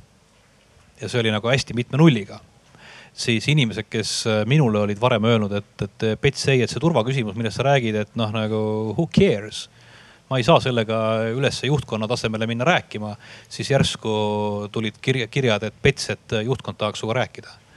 et äh, see oli nagu selles mõttes noh, nagu see miljonitega vehkimisel, miljonitega vehkimisel ja paberitega vehkimisel on tegelikult äh, äh, üsnagi suur positiivne mõju organisatsioonide mobiliseerimisele aga sealt edasi nagu sellisele nagu reaalse mobiliseerimise poole peale on veel pikk samm tahab keegi saali poole pealt, publiku poole pealt veel kommenteerida, on kellelgi tekkinud mingisugunegi, kas kellelgi on tekkinud mingi hirm seoses tehisintellektiga? kas keegi kardab Skynetti või midagi muud? Keegi ei karda arvuteid. kas teie kardate tehisintellekti? või mingit osa sellest või? kuidas teile tundub? kas me peaksime, kuna, kuna ulme poole peal on, see tähendab see tehisintellekt võtab võimu, on ju väga levinud selles mõttes sihuke teema ma arvan, et noh, nii palju võib kommenteerida, et tõepoolest see tehisintellekt on ju väga võimas vahend. Ja tõepoolest, et see hirmud võivad olla seotud sellega, et kui inimesed seda võimsust kasutavad tahtlikult halval eesmärgil, nii nagu see Cambridge Analytica näide oli ja, ja neid võib ju veel mõelda, et, et et kuidas me, kuidas on see turvalisus tagatud, et nii nagu arvutimaailmas käib pidev äh, nagu võidujooks viiruse tootjate ja viiruse tõrje tarkvara tootjatega, aga mis siis, kui hakatakse sinna tehisintellekti viiruseid sisse söötma, kui äh, näiteks need sekkuvad tõesti mingitesse raviotsustesse, et, et, et see, ma arvan, et sellest, nendest tuleb rääkida ja, ja see turvalisus tuleb alati läbi mõelda, et noh, nii nagu noh, ütleme näiteks geenivaramu andmebaas, see siis see osa, mis sisaldab isikuandmeid, on kinnises ruumis, mis ei ole mingil moel internetiga ühendatud, sinna saavad ligi ainult vist kaks inimest. et äh, samamoodi noh, ka muudes valdkondades peab mõtlema, et kuidas on andmed kaitstud, kuidas on nagu turvalisus kaitstud sellise tahtliku väärkasutuse eest, et mina kardan küll ühte asja, aga see on meis endis kinni, et kuidas, kui me ikka oleme siin meditsiini ja tehisintellekti juures, et, et kuidas see mõjutab eh, meie käitumist arsti juures, et, et kindlasti palju tekivad, tekib patsiente, kes enne arsti tulekut tohutult on konsulteerinud doktor Google'iga terve öö läbi võib-olla ja, ja saab teada ja siis, kui arst talle ütleb, et, oot-oot, et tegelikult võib-olla päris nii ikka ei ole, on ju, siis tekib selle arsti ja patsiendi suhtes niisuguseid mõttetuid konflikte. ja eks loomulikult ole ju, ju äh, arsti tegevus natukene tuleviku ennustamine ja kui siis juhtub, et näed, et äh, läks hoopis täiesti juhuslikult sai pihta doktor Google, mitte see päris doktor, on ju et siis, äh, siis seda pettumust ja seda juristide juurde jooksmist saab olema aina rohkem, aga, aga mina kutsuks üles kindlasti sellele, et me, et me kodanikena ikkagi usaldaksime arste, et kui, kui me arvame, et, et tõesti see tehisintellekt on nii äge ja nii edasi, et siis paneme selle Tartu Ülikooli arstiteaduskonna kinni ja, ja, ja võtame kõik doktor Google'i poole pöördume ja, ja teine asi, mis muutub see tehisintellektiga, on ka, on ka see vastutuse poole peal just see, mis ma ennem mainisin, et, et kui see luust ja lihast arst, et tema tõesti kardab seda vastutust ja, ja, ja, ja noh, võib-olla siis jätab ka ravimata või ei lähe nii riskantse asja peale välja, siis, siis doktor Google pakub teile kõik variandid ja soovitab võib-olla veelgi nagu agressiivsemat ravi, millel võib tõesti olla edu ja, ja, ja masinatega võib ka edu olla, aga, aga noh, jällegi ei pruugi. aga, aga teda see ei takista nii et meil, ma arvan, et meditsiinis ikkagi tekivad muutused ja sellepärast, et meie inimeste eh, noh, me ei tunne enam seda, et arst teab meist rohkem või arst oskab meist rohkem. ma arvan, et me teame sama palju ja tegelikult see, ma arvan, see ei ole hea äh, ma võtan sõna järje üle, et, äh, et, et mina näiteks noh, või noh, mis minu nagu suurim hirm on just see, et, et äh, kui me anname väärtusotsustused, anname just tehisintelligentsi kätte Äh, või siis jätame siis nende disainerite hoolde puhtalt, ei noh, ei aruta neid äh, laiemalt, et nagu siin üks meesterahvas rääkis nii-öelda raamatute ja raamatu hindade üle otsustamisest, siis et, et me ei anna nagu mingisuguseid otsuseid või me saame aru, et, et, et kuskil on mingid väärtused, mille üle me, meie saame otsustada ja et, et me ei peida nagu seda kuidagi ära, et ja ei, ei anna seda ära noh, nii-öelda mitteteadlikult, et, et um-, umbes nüüd tehnoloogia teeb sinu eest, onju, andmata aru endale, et, et on mingid väärtused ühiskonnas olemas ja ja siis seda lihtsustamist, et, et umbes, et aga me saame inimese väärtuse süsteeme kuidagi äh, kaardistada ja siis õpetada seda tehisintellektile. no vot, see ei ole nii lihtne, et tegelikult, et, et, et seal on nagu hästi palju muutujaid et see võib olla kontekstipõhine, et, et ei ole sellist olemas sellist väärtushierarhiat, eks ju. Äh, mis oleks nagu kuskile kinni löödud seinale. et see sõltub hästi palju sotsiaalsest kontekstist, meievahelistest suhetest ja nii edasi, et, et me ei lihtsusta üleliigselt nagu tehnoloogiaid. ja võib-olla siin selline natuke selline futuristlik hirm või utoopiline hirm on see, et noh, kui tulevad need äh, targad masinad, tulevad igale poole, tulevad need masinad ja ja, ja otsustavad ja teevad kõik protsessid ära, et aga siis on, mis need siis nagu need inimesed siin siis nagu, mida meie siis kui, kui ühiskond siis nagu tegema hakkame, et siin ju siis on lihtsalt nagu surnuks igavlemine tegelikult, noh, see tuleb tegelikult kogu see nii-öelda see, ütleme, inimmõistuse potentsiaal tuleb siis suunata kuskile mingitele uutele horisontidele, kas siis on see, et kõik rakettidega kosmosesse, aga noh, ka seal ma arvan, on see robot on palju mõistlikum minna, sest ta nii-öelda tema ei, ei sure ära saja aasta pärast, et see, see on natuke see, võib-olla see hirm, et kui tulevad kõik sellised noh, kõik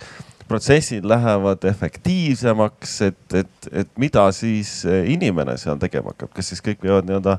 programmeerimata, programmeerijateks hakkama, aga lõpuks ei ole seal ka midagi programmeerida, sest tegelikult see tehisintellekt teeb seda kordades paremini, et see, see on natuke selline noh see on nagu sihuke tuleviku probleem, aga see on see, mis, mis jõuab kohale, et siis kas tulevad siis ka nii-öelda masinate purustajad jälle lähme haamritega kuskile servereid äh, taguma, aga noh, lõpuks need on kuskil sügaval maa all, neid ei saa kätte ja noh, ühesõnaga või kosmose, noh, ühesõnaga lõpuks nagu masinaid ei saa purustada enam, et siis noh, see on natuke selline sihukene utoopilisem äh, suund ja äh, mul on ka üks äh, hirm seoses tehisintellektiga ja see seondub tegelikult ka natukene äh, selle ühe väitega, mida Ants ja Peeter enne ütlesid, et, et noh, me ei saa kuidagi tehisintellekti karistada või mingit nii-öelda karistust välja mõelda. et lugesin just hiljuti ühte nii-öelda näidet sellest, kuidas üks robotile anti üles, väga lihtne ülesanne mängida Tetrist ja ta teadis, tal oli sisse kirjutatud, et see noh, nii-öelda, kuidas see kaotamine välja näeb. et kui saab see nii-öelda plokkide rivi täis, jõuab sinna üles, siis ta on kaotanud ja ta sai aru, et see on nagu midagi, mis ta on nii-öelda valesti teinud. ja selle asemel, et nii-öelda pingutada viimase hetkeni, ta vaatas, et kui ta nii-öelda hakkab juba rivi täis saama, siis ta, ma ei mäleta täpselt, mida ta tegi, kas ta kuidagi põhimõtteliselt tõmbas nagu seinast juhtme välja, et ta ei lasknud seda äh, mängu minna lõpuni. et ta ei saanud nii-öelda kaotada ehk siis, kui me mõtleme seda, et mingi hetk äkki mõtleme välja, mis nii-öelda see karistus võiks olla sel tehisintellektil. et eh, mis, me ei suuda välja mõelda, mis eh, viise hakkavad need masinad välja mõtlema, seda karistust vältida. ja noh, me keegi, ma arvan, ei taha seda mõelda, et kui noh, sama see südamestimulaator näiteks ja tehisintellekt vaatab, et oi, et siin on juba, ma ei tea nelikümmend lööki minutis, kolmkümmend, viisteist. kui siin läheb asi jamaks, et noh, et tegelikult võib-olla mina olen süüdi selles. et noh, ma ei tea, tõmbame sealt nagu rubilniku välja ja noh, lõpetame üldse selle inimese aitamise ära. et noh, me ei tea, mis, mis toimub, et seda mina küll kardan. see on, see on, see on minu arust väga-väga-väga põnev äh, areng sellest teemast ehk et äh, kui me jõuame küsimuseni, et meid ravivad robotid võivad otsustada selle, et, et hetkel oleks eutanaasia oleks parim lahendus et kuna sisse on programmeeritud, et valu peaks vähe, vähem olema, me oleme kõik algoritmid läbi jooksutanud, kõik mudelid ütlevad, et on põhimõtteliselt ainult üks asi, et, et me anname sellesama südame korralik, korralikuma surtsu ja sellega on tegelikult nagu probleem lahendatud selles mõttes, et me võime ja ühtlasi meie saame minna robotite surnuaeda, et, et äh, see on nagu väga huvitav äh, probleem, et jah, kuidas, kuidas, kuidas see, kuidas see muudab üleüldse kõiki selliseid ravipooli. Ja, ja ütleme sellesama selle vastutuse poole pealt oli võib-olla selline natukene selline ka suurem, suurem pilt selle juurde mis meil eelnevalt seda teemat omavahel läbi, läbi rääkides oli, mille keegi pani kirja, kui et, et kuidas tehisintellekt muudab arstikunsti ehk et äh, suur osa sellest, mis ka arstimise poole peal tegu, toimub, eks ju. jah, me räägime, et tegemist on teaduspõhisega ja nii edasi. aga need otsused on need, mida langetavad ikkagi mingisugused äh, päris inimesed oma tunnetuste, oma teadmiste, kõige muu alusel. ja äh, see, kui on, usaldatakse mingisugust süsteemi, siis see muudab ju kogu selles mõttes sellist suhtumist oma töösse ja, ja, ja valmisolekut võtta riske ja, ja nii edasi, et, et see on nagu tõenäoliselt ka üks selliseid pooli, et ma arvan, et see nii-öelda arsti kunst on juba, juba muutunud, sest see on ikkagi nagu on see, et see kui, kui, kui, kui efektiivselt me seda informatsiooni, maailmas olevat informatsiooni suudame kasutada ja talletada, et nii-öelda kui siin võtame sadu aastaid tagasi, et siis see oli rohkem nagu selline kunst, noh sõna otseses mõttes, et sa vaatasid seda patsienti ühelt poolt ja teiselt poolt ja siis nii-öelda kujutlesid, mis tal võiks olla valesti, aga tänapäeval ikkagi on see, et sa teed tervet robikonna erinevaid testi ja analüüsi ja selle pealt siis nii-öelda teed seda otsust, et võib-olla ka nii-öelda, kuidas see. no arst... aga alkeemikud tegid pikka, pikka aega teste, enne kui nad selle tarkade kivi sulle välja kirjutasid, eks ju. ja seda, seda küll jah, et nad nii-öelda, et noh, lihtsalt on see, et sa nagu rohkem seda informatsiooni eh, talletada ja sellepärast ongi see nii-öelda suured plokid neid nii-öelda haiguste väga spetsiifilisi kirjeldusi, mis siis tuleb nii-öelda meelde jätta ja pähe õppida ja sellepärast, ka arstiõpe võtab nii kaua aega, aga, aga me oleme ju juba jõudnud sellisesse punkti ajaloos, kus seda informatsiooni on lihtsalt nii palju, et sa lihtsalt ei suuda seda kõike omandada, et see on võib-olla see, et kuidas noh, nagu kooliõppes on see, et ei ole enam nii-öelda oluline fakte pähe õppida, vaid tuleb olla allikakriitiline ja teada, kust neid fakte leida ja siis neid fakte sünteesida, et see, see on see, kus see, ma arvan, see tehisintellekt ja kogu selline suurandmete ja analüüs ja integratsioon tuleb nagu mängu, on see, et arst on ka natuke see, kes siis nii-öelda nende erinevate algoritmide eh, välja pakutud asju siis kaalub, analüüsib ja sealtpealt hakkab tegema seda ravimiotsust, et noh, kuigi jah, seal operatsioonis samamoodi on see nii-öelda see tehisintellekt või robot on siis assisteerivas rollis, et keegi ikkagi suunab, et ma arvan, siin täpselt samamoodi on see, et, et need kõik need algoritme ikkagi arst lõpuks vaatab üle ja sealt pealt teeb selle otsuse lihtsalt see on inimeste, inimeste, teadlaste usk inimestesse, et nad teevad hästi, on tegelikult on selles mõttes äärmiselt tervitatav. mina just selle eelmise teemapöörde peale hakkasin mõtlema, et me, me siin oleme korduvalt rääkinud, et, et noh, et, et inimene on see, kes võib võib-olla kusagil doktor Google'i käest leida mingi imeliku tulemuse ja selle alusel hakata midagi tegema. aga noh, arst on see, kes ekspertsüsteemi kasutades saab langetada targa otsuse. ja mul tekkis vaadates oma sellist nii-öelda arendaja poolset minevikku ja olles palganud inimesi arendusele majanduse positsioonidele ja avastanud, et see, mida nad on äh, niimoodi näidistööna teinud, äh, on tegelikult avalikest kohtadest jupphaaval kokku, kokku kopeeritud äh, kood. ja nad päris täpselt ei kujuta ette, kuidas programmeerida, aga nad oskavad väga hästi teha copy paste'i. ehk et siit tekib veel see, see risk, et kuidas me suudame sedasama arsti, kes võib-olla oletame, et ta nominaalselt nühib need enne aastat seda koolipinki ära aga võib-olla tal on noh, nii-öelda selles mõttes väike linnukene kõrvas selles mõttes, kes talle räägib, eks ju. et ta tegelikult äh,,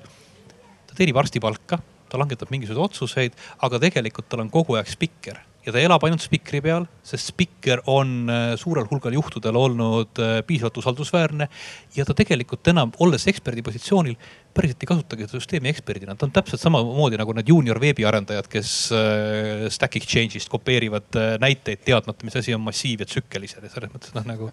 kas see, kas, kas me äkki paneme liiga suure usu sellesse, et spetsialistid on targad või? See on, äh, ma arvan ka huvitav mõte, et tegelikult noh, praegu näiteks seda, mida me ka geenivaramu poolt tahame teha, et äh, süsteeme, algoritmi, mis oleks nagu arsti sõbrad ja toetajad, aga samas ei võta arsti funktsiooni üle, et, et kui inimene läheb arsti juurde, pealtnäha noor ja terve inimene, et äh, arst ei hakka talle tegema kõikvõimalikke teste kõikvõimalike haiguste suhtes, aga kui geeniandmed annavad vihje, et sellel inimesel võib olla noh, ütleme näiteks kõrge diabeedi risk, kuigi ta ei ole võib-olla silmnähtavalt ülekaaluline ega midagi, et siis arst taipab tal näiteks veresuhkrut mõõta ja teha mingisuguseid uuringuid, mida ta võib-olla ise ei otsustaks teha ja noh, sellisel maal nagu me loodame ikka, et arst jääb arstiks, oma eksperdiks, aga eks seda tuleb vist arstide hariduse juures mõelda, et kuidas edaspidi ikkagi säilitada seda, et arst säilitab oma ekspertiisi arstina ja vaatab inimesele ikka, et see personaalne meditsiin, nii nagu ta oma vanas heas tähenduses, et arst vaatab inimest, räägib inimesega ja kasutab natuke ka oma neid ekspertteadmisi, et see ikka jääks alles, et mitte masinad ei asendaks seda kõike, et see. Mhm. et me, me usume inimeste headusesse nagu ikka ikka. aga võib-olla siia üks lihtsalt see näide, noh, kuidas tehnoloogia on muutunud, näiteks selline asi nagu viktoriin. noh, et kuidas sa tänapäeval teed viktoriini, kui kõigil on nii-öelda doktor Google on taskus, noh ja siis noh käed selja taga või siis sa nii-öelda ütledki nii-öelda nendele, kes on tulnud viktoriinile, et ütle nüüd paneme telefonid ära ja nii üllatav, kui see ei ole, siis inimesed panevadki telefonid ära, sest, sest muidu ei oleks ju huvitav seda viktoriini teha. et, et see kuidagi noh, see on nagu natuke see, et kuidas nii-öelda et ühtepidi see informatsioon on, on kättesaadav ja sul on võimalik panna see linnuke sinna kõrva siristama, aga kuidagi siis peab see noh, ühiskonna süsteem jälle peab seda reguleerima ja kohanduma sellele, et see noh, nagu sa ütlesid, lihtsalt see copy paste, sa võid ju seda koodi kopeerida, aga, aga lõpuks tuleb ikka välja, et sa ei tea seda midagi sellest asjast, mida sa väidad, et sa tead jah, ma ütlen, et eh, ma arvan, et see on täpselt samamoodi nagu, et patsiendid peavad eh, jääma ikkagi kriitiliseks eh, doktor Google'i suhtes, peab ka arst jääma ja, ja eks läbi ajaloo ole ikka olnud häid ja halvemaid arste, aga, aga ma arvan, et siin mingisugust niisugust kriitilist hetke ei ole, et, et arst on ikka, arsti puhul ikkagi see kunst jääb ole, olema ja, ja kui sa ikka päris kunstnik olla ei taha, sa ei lähe seda õppima ilmselt inimeste äh, motivatsiooni millegagi tegeleda võib olla väga erinevaid. mul on üks küsimus on siin äh, nimekirjas äh, veel. Tehi-, tehisintellekti eelarvamused me kipume seda tehisintellekti võtma selle poole pealt, et noh, see on nüüd mingisugune nagu öeldud teaduslik lahendus, on statistiliselt tuletatud välja, et, et seda haigust saab ravida sellel moel ja see on täpselt niimoodi.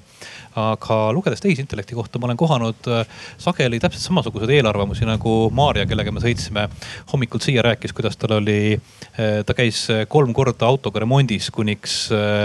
probleem üles leiti. ennem seda arvati, et noh, tõenäoliselt lihtsalt tütarlaps ei oska käiku vahetada, eks. et me inimestele teeme, langetame sageli selles mõttes selliseid erinevaid eelarvamusel põhinevaid öö, otsuseid. kuidas on tehisintellekt ja eelarvamused, kas tehisintellektil võib ka eelarvamus olla või? mis siis äh, mõjutab mingisuguseid äh, otsuseid?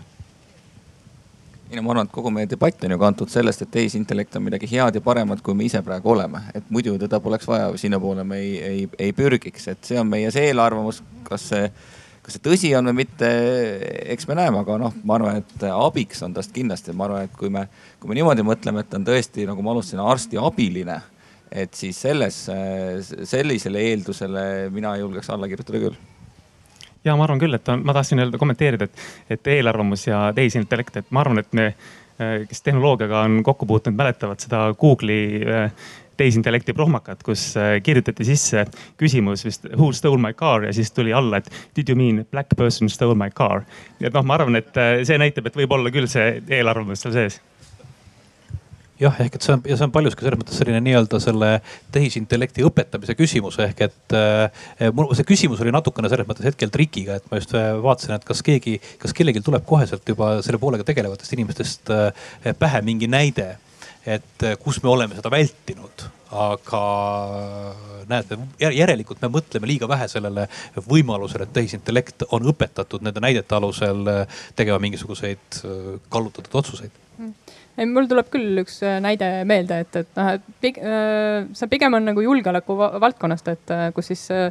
nii-öelda küsitleti migrante, võeti nende terviseandmeid ja siis selle põhjal siis püüti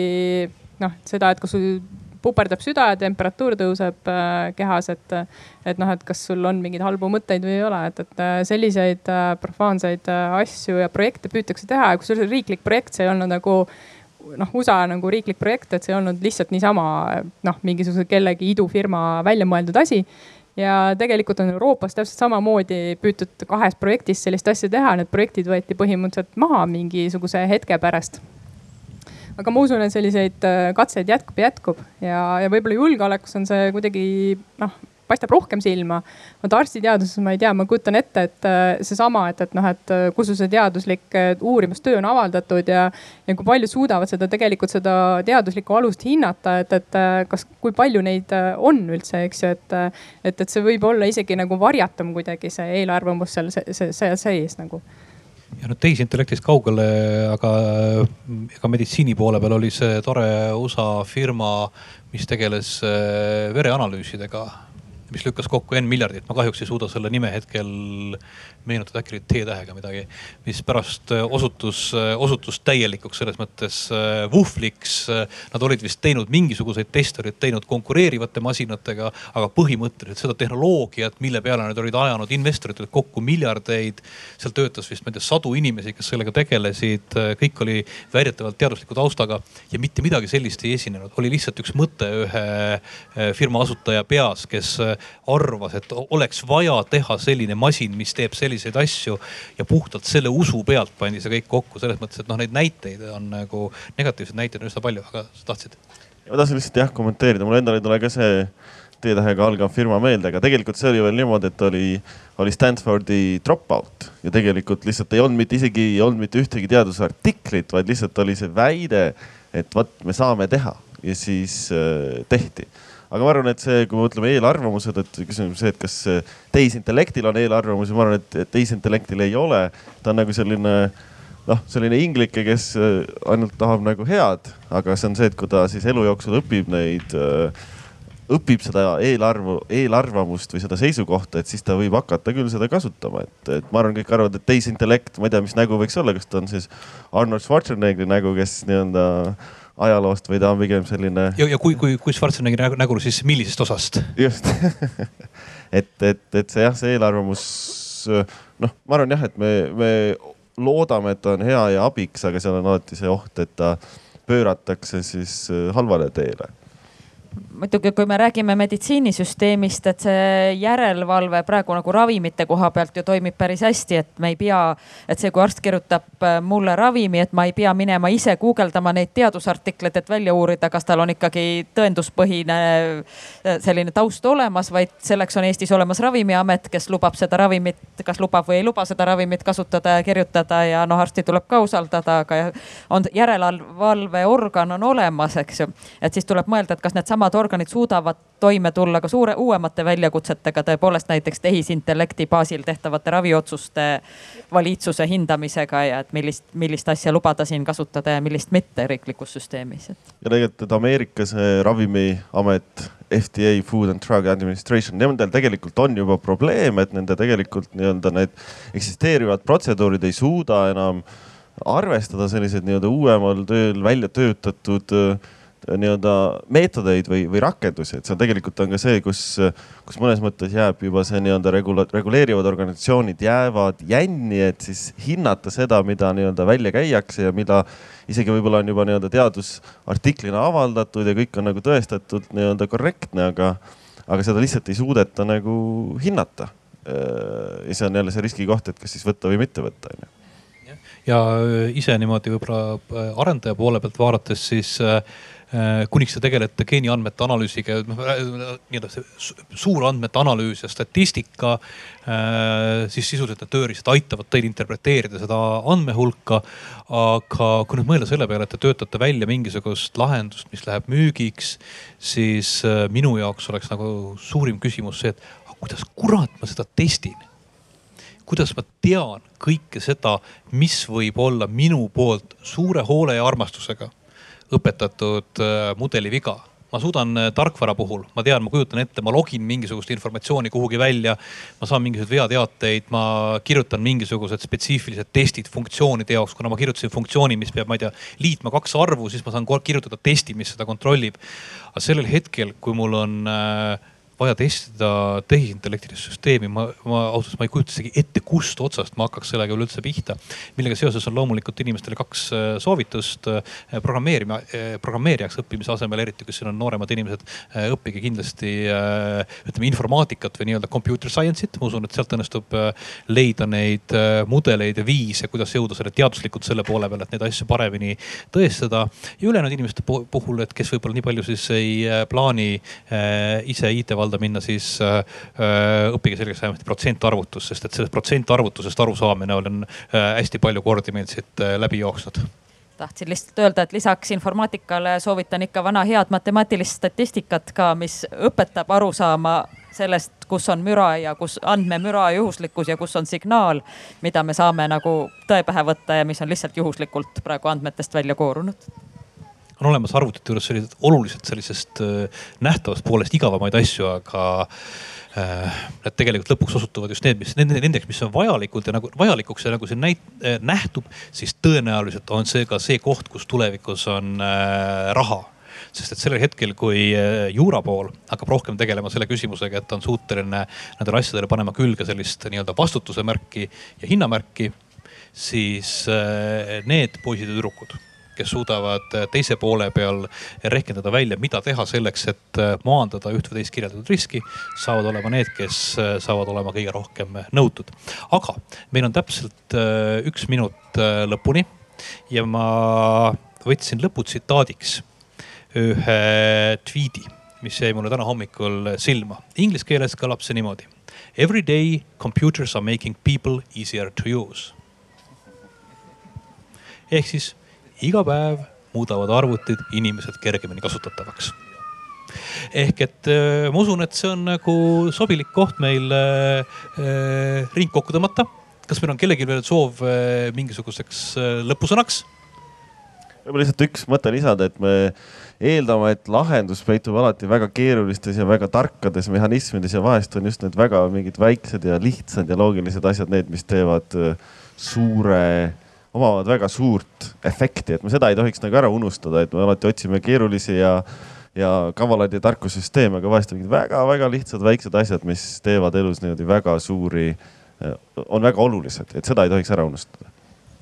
näeme pisikesi asju suurte keeruliste tehnoloogiate taga. aitäh kõigile, kes olid siin äh, lava peal ja aitäh kõigile, kes tulid kuulama. ma loodan, et teil kõigil oli huvitav, loodan, et te saite natukese tarkust juurde